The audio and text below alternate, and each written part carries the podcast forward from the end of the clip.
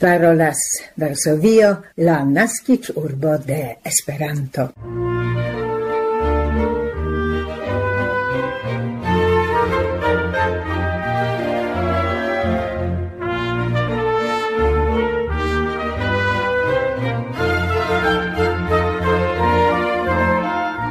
Core salutas vin gesinjoroj la tuta skipo de la Pola Retradio kaj hodiaŭ tute aparte Barbara Pietrzak, Krystyna Grochocka kaj Maciej Jaskot.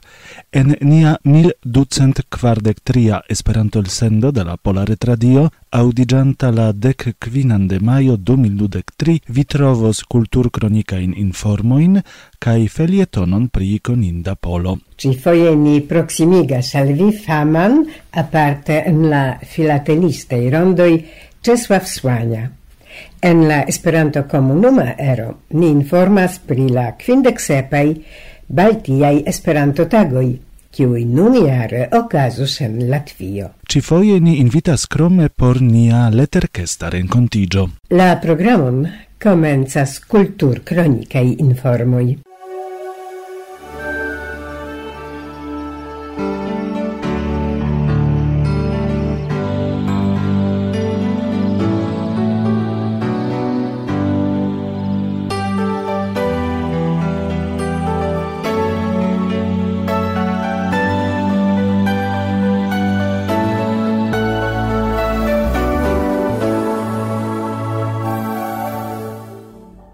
Universitato de Bologna, pola filozofo, historiisto, eseisto, profesoro de humanisma i sciencoj Krzysztof Pomian transprenis la plei altan distingon de citiu altlerneio, sigillum magnum, la autoritatoi de la plei malnova Europa Universitato esprimis tiel la reconon por la scienza laboro de professoro Pomian sur la campo de diversai humanismai cae sociai branchoi cae por lia engagitezo popularigi la heredajon de la Europa culturo. Krzysztof Pomian doktorigis kai habilitigis en la filozofia facultato de la Varsovia Universitato, kie li laboris ancau kiel adjunkto en la Catedro de historio pri la Nazia Filosofio. Poste li laboris en la Instituto de Manuscriptoi de la Nazia Biblioteco. Sekve li forveturis al Francio, kie li estis profesoro en Sonoroso. En 1999 li laboris kiel profesoro en la Toruna Universitato Nicolao Copernic. En 2001 profesoro Pomian farigis direktoro de la establita en Bruselo Museo de Europo. En 2010 li eniris la consiston de la Consili Comitato de la Europa Reto pri Memoro cae Solidarezzo. Sigillum Magnum, la argenta bronza medalo lancita en 1888, estas attribuata de la Bologna Universitato al gravaj figuroi de la scienzo, culturo cae politico. La ogdek naujara profesoro Pomian presentis prelegon pri Ulisse Aldrovandi, 1592-1605 Bologna humanisto, curacisto cae natursciencisto. Dum la solenajo honore alla pola intellectulo Mattia Ruggiano ludis componajoin de Federico Chopin laulapeto de la.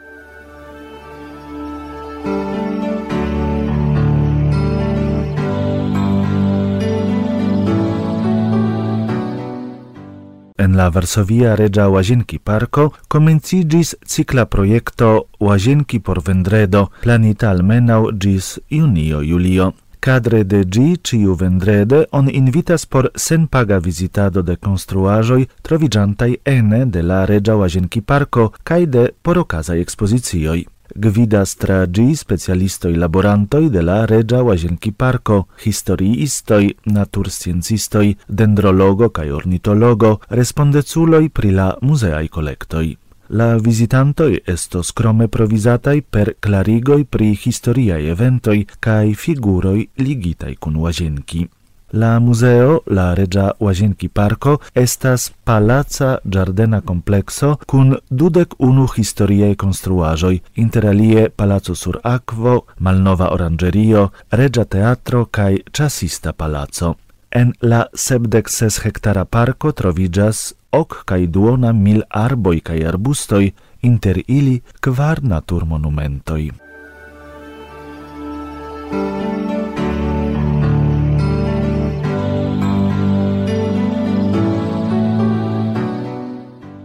dum dec hoc monatoi dauris la unua etapo de la concurso Rencontigioi cun la arto organizita de la fondajo POGO-E Pola Energetica Gruppo. En organizitai excursoi al la naziai museoi en Varsovio, Krakovo kaj Lublino partoprenis 1800 lernantoi kun pli ol 200 instruistoi el la basai lerneioi en la tuta lando la concurso ligita al la campanio ni invitas visitadi celis lernantoin el loĝlokoj malpli ol kvindek mil membrai. Ilia tasko estis prezenti la propran interpreton de tolaĵo de pola pentristo rigardita en unu el la muzeoj por multai lernantoi temis pri la unua en la vivo visito en unu el la gravai polai museoi. Plei volonte visitata estis la Nazia Museo en Varsovio, sekve tiu en Krakovo kaj Lublino. La lernantoj konatigis kun tolaĵoj de tiaj polaj pentristoj kiel Tamara Łempicka,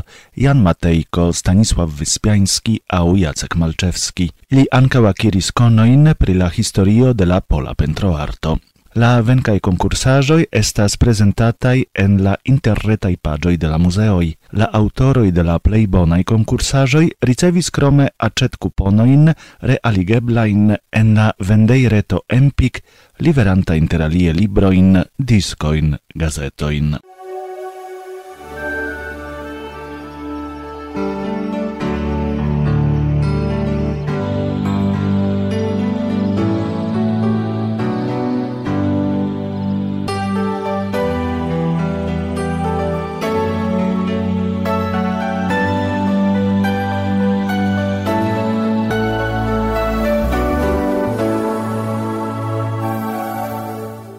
parolas Varsovio, la naskiĝurbo de Esperanto.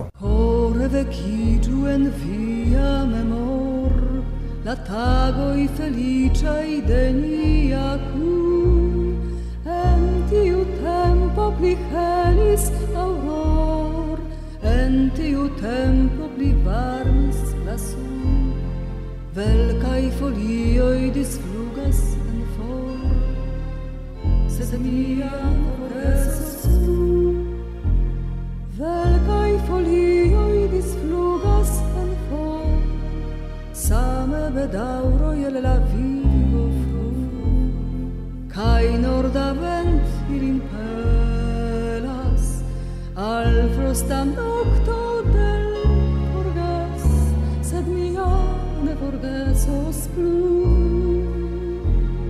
canto de vivo giù, estas caras, al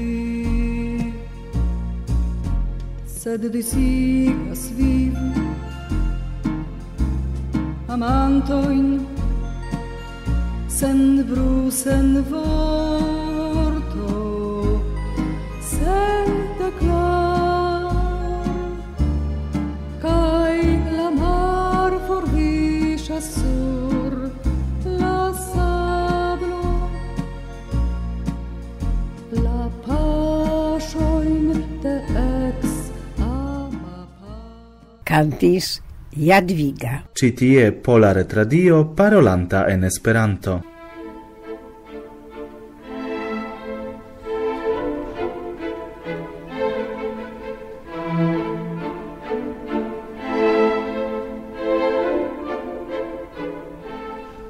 La hero de nia hodiava felietono estas Czesław Słania, pola gravuristo, projektanto de poŝtmarkoj kaj monbiletoj, naskiĝinta antau cent du jaroj en la loko Ĉelaĉ apud Katowice en la suda Pollando. Baldaŭ la tuta familio translokiĝis al la orienta Pollando, al la regiono de Lublin, kie li pasigis infanaĝon cae cie creigis liei unuae laborajoi. Iam kiel knabo Czesław volonte skizis cae desegnis plei volonte miniaturajoin, capabla recrei en siei desegnajoi realon cun plei fainei detalui. Li volonte amusis siein collegoin schizante mon biletoin en cui la originalain visagioin li anstatavigadis per visagioi de Koleginoj. Multas pliaj anecdotoi pri petolajoi de iuna desegnista talentulo, kiel trompa imit imitkrado de legitimiloi biletoi cae simile. Sed dank al tiu talento aliflanke, dum la germana occupazio en la de la dua mondmilito, Suania en la polei armei fortoi, sukcese occupigis pri falsado de documentoi necessai por batali contra la malamicon. Post la milito Czesław Słania komencis studojn en la Belarta Akademio de Krakowo. Lia diplomverko estis la ŝtalgravuraĵo en la formo de postmarko, kiu bildigis la monumentecan pentraĵon de la venka batalo kontraŭ teutonoj de Jan Matejko, batalo apud Grunwald 1410. Dank al ĝi lian diplomon akompanis valora distingo – summa cum laude. La faina precisa laboro prenis ec du jaroin, sed ancora dum la studenta tempo li trovis tempon por crei pli multon da fischoi cae desegnajoi por la seb voluma Anatomio de Homo. Fininte la studoin, 1950, li comencis labori kiel gravuristo en la emisiejo de postmarcoi en Varsovio, cae tie li proiectis sien unuajn postmarcoin. Ses jaroin poste, pro progresanta pulmo malsano, li curazzele forvotuvis al Svedio, cie li restis por constante. Lian talenton tui reconis ten Evers, gravuristo el la sveda posto, sed etiam gine besonis cromain gravuristoin. Komence Doczesław Słania okupiĝis pri gravuristei projektoj en sia propra firmao. Iom post iom venis tamen ankaŭ mendoj de la sveda poŝto. Nesufiĉe kontentigaj se Słania serĉis kaj trovis labor oferton el Kanado. Tiam neatendite Sten Evers pese malsanigis kai komisiis al Słania fin pretigis sian propran projekton – Czesław Słania restis do en Stokholmo kaj la 1 de aprilo 1960 komencis oficialan laboron en la sveda poŝto. Eble nun en la epoko de la reta komunikado ne tiom multaj personoj interesiĝas pri la frankado de tradiciaj leteroj per belaj allogaj postmarkoj. Sed tiutempe, dank al sia talento kaj laboro, Czesław Słania perskribis apartan capitron en la historio de filatelo, ne nur la sveda. Lia unua proiectita en Svedio tiu jare postmarko presentis poeton Gustav Roding, lige con nia centa naskiĝda treveno. Poste venis pli ol tricent postmarkoj por la sveda posto, inter alie post marxerioi dedicitei alla naudeca nascic da Treveno de regio Gustavo la sesa Adolfo, al voyagioi de Carolo Linneo, al fungoi, papilioi, mar esploroi. En tute, por la poste instanzoi de diversei landoi, suania pretigis pli ol mil postmarcain proiectoin, Liei autorei postmarcoi aperis krom en Pollando kaj Svedio anco en Danlando, Gronlando, Ŝafinsuloj, Islando, Monaco, Germanio, Francio, Belgio, San Marino, Svislando, Australio, Usono, Thailando, Cinio. Eldonis ilin Vaticano cae Unuiĝintaj nazioi. Dank al tio lia nomo ectrovigis en Guinness recorda librego, La famo de la plei granda artisto de la miniatura grafico accompagnis lin cie, cae pro siei maestrei vercoi Czesław Słania estis nomumita la cortega gravuristo de la sveda cae dana regioi de la princo de Monaco. Słania senĉese sercis novajn manierojn cae metodoin, li volonte experimentis kun ciu conata metodo cae tecnologio de la gravurarto, Io pli complica estis por li labor defio, des pli interesa tasco, des pli gioi alporta. Czesław Słania estis honorita pro siei vercoi per multei internaziei distingoi. Interalie li ricevis la svedan oran regian medalon, la danan cavaliran crucon, la monacan crucon de Sancta Carolo. Li estis plurfoje laureato de concursoi por la plei bela postmarko de la mondo. Li akiris inter interalie pro la sveda postmarko Balleto, acquirinta tiun titolon en 1979. Multe pli frue, en 1954, li ricevis en Rimini, Italio, oran medalon pro la plei bella postmarko de Pollando, cun sporta temaro e la serio aviado. Pro la serio Musico, la Filatela Musica Rondo attribuis a li la premion de Robert Stolz. Dank alla alta arta nivelo, liei postmarcoi vecis grandan interesiron inter filatelistoi de la tuta mondo. Diverslande creigis cluboi de personoi interesigiante pri lia creado, studantei cae analizantei labor metodoin. Firme gravurigis en lia memoro spektakleza bonvenigo en Cinio, por ciu li creis du poŝtmarkojn unu solei valor paperoi creitei de exterlandano. Por la ekspozicio, dum kiu li estis disdonanta autografoin, estis disvenditei kvardek mil biletoj.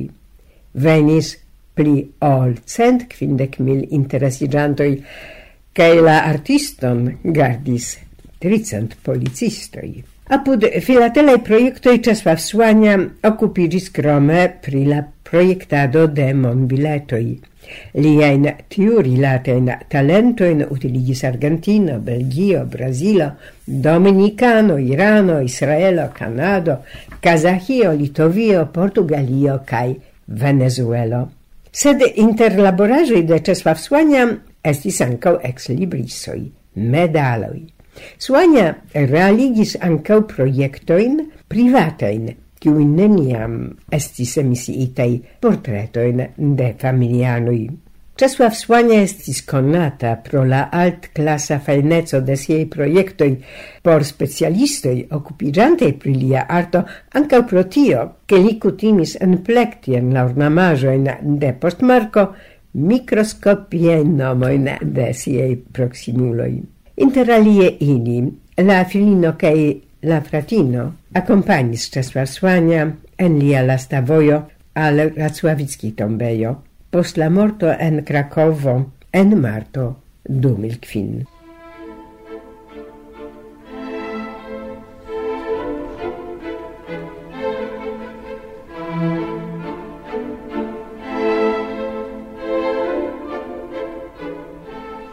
Parolas Esperanto Radion, Varsovio.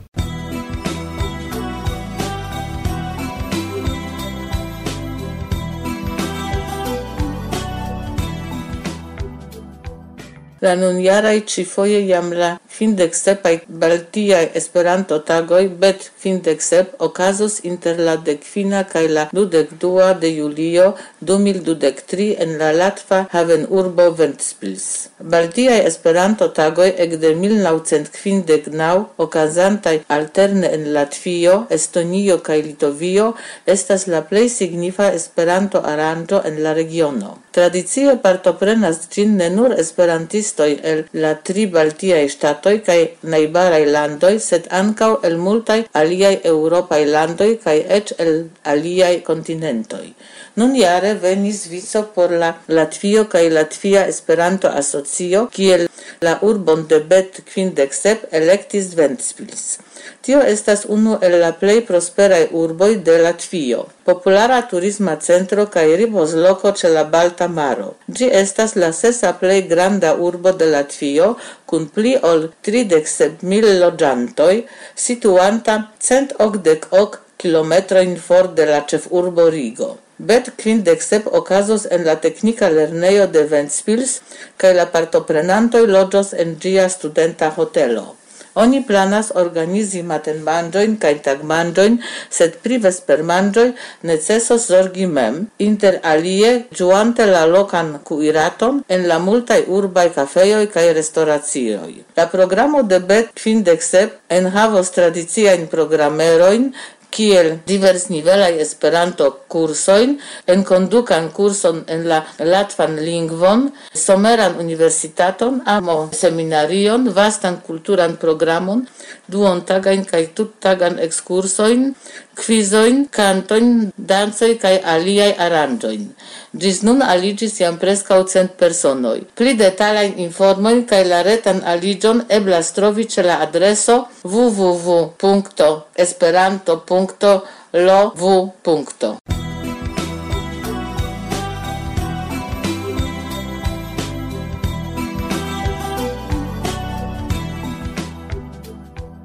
Varsovio daurigas la Esperanto-elsendon.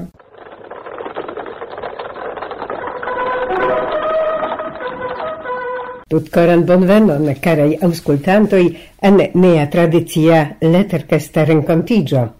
Jam pos la paso de calca tempo de nove, sed evidente tio dependas de la reagoi, kiu atingas la redaction. Ili venas, kaj ni kore dankas pro ciui, kiui venis, Compreneble, kun scivolemo mi sekvas Facebook profile ŝatos ignojn kaj komentojn kaj cetere La samon mi faras en YouTube. Kaj just en YouTube ankoraŭ en aprilo ni legis aprecajn komentojn pri nia elsendo en kiu ni memorigis sonĉerpaĵojn el la unu mila esperanto el sendo de Pola Radio de ante multe multe jaroi. Etius aboto reagis, dankon pro citiu, kiel kutime tre interesa el sendo, mi specife giuis la programeron el la esperanta radio historio. Goran dankon pro via commento.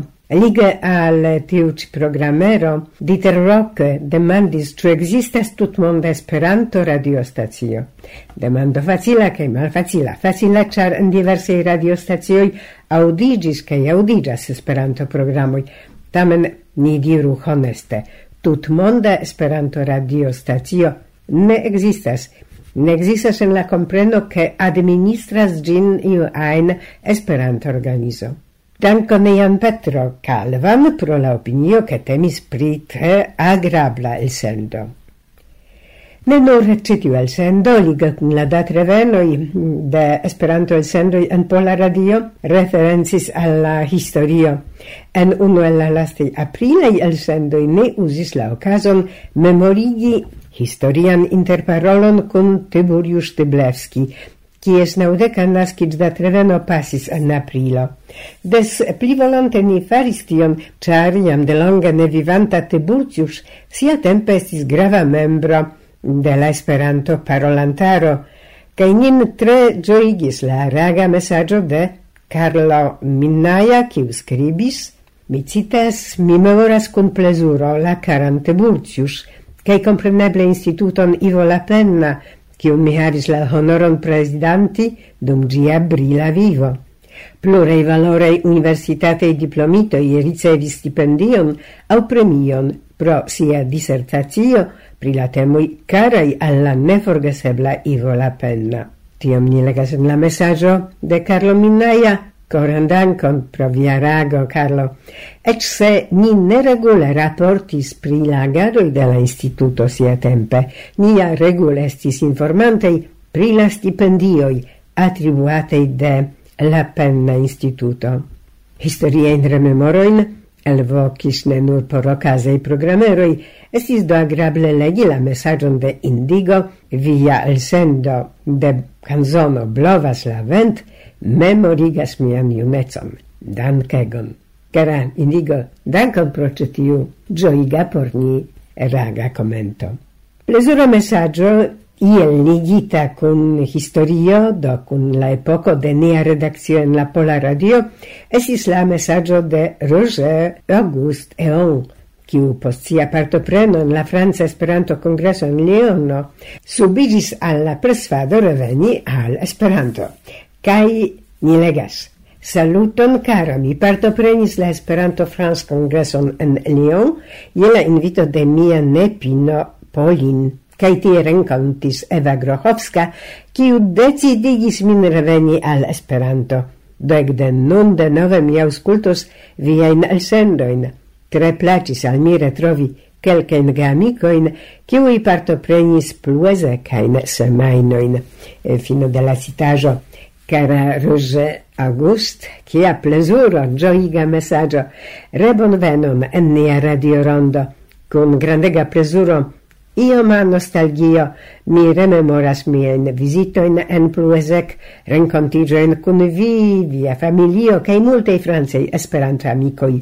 Mi daure estas super forte impreso de la sculptajoi de Viedzino Maria bonvolu trasdoni al si coren salutoin, same kiel al ciui ceterei gamicoi el pluesec, cae la regiono. Sed cifoje ni povas crome nia leterkesto paroli pri historio, historio flegata. Anto nelonge ni informis comence de maio, ke en Pollando tio estis evento ricia periodo plena de festoi cae solenadoi. Kaj ni ĝojas, ke tiu temo alvokis la reagon de Ikuko Katagawa, en kies mesaĝo ni legas. Mi exis che la tria de maio estas la tago de constitucio ankaŭ en Pollando, sam kiel en Japanio. La dudeknava de aprilo estas la tago de Showa, naskiĝ tago de iama imperiestro. Kaj la kvara de maio estas la tago de verdaĵo. La kvina estas la tago de infano. Do en Japanio tiu semajno estas nomata ora semajno, kiam homoj ĝuas feriajn tagojn, kvankam la unua de majo, la tago de laboristo, ne estas feria tago. Koran dankon Ikuko pro la divido de tiuj cikonoj, pro la informo pri tio kiel simile, kvankam ali motive poloj kaj japanoi giuis la ferian comenzon de la monato, no crom la tria de maio, kiel evidentiĝas en ambaŭ landoi solenata kiel konstitucia tago. Kaj nun, proximigiante iam alla fino de nia hodiava rencontigio, tut coran dankon pro etei ragai commentoi al Bernard Bigonet, mi plezure aŭskultis l'elsendon, Marco Davis, mi sategis ciam, polan retradion, dankon pro la culturei variaĵoj. Mi sendas resaluton al Claudio Raimundo Spinelli, kiu asertas mi estas nur audanto. Poi foie rago anco scrive, cetere dankon pro tiu ci rago. Resaluton al Amadeo Sendiulo, che non attendante via in rago in aparte pri la perinta, vancam ne aparte reclamita facil lingua mini felietono, ciu audigis la decan de maio, cetere laula sprono de Renato Corsetti, mitiu estas Barbara, en la nomo de la tuta redakcia skipo diras al viciui. gis la baldaŭ raŭdo.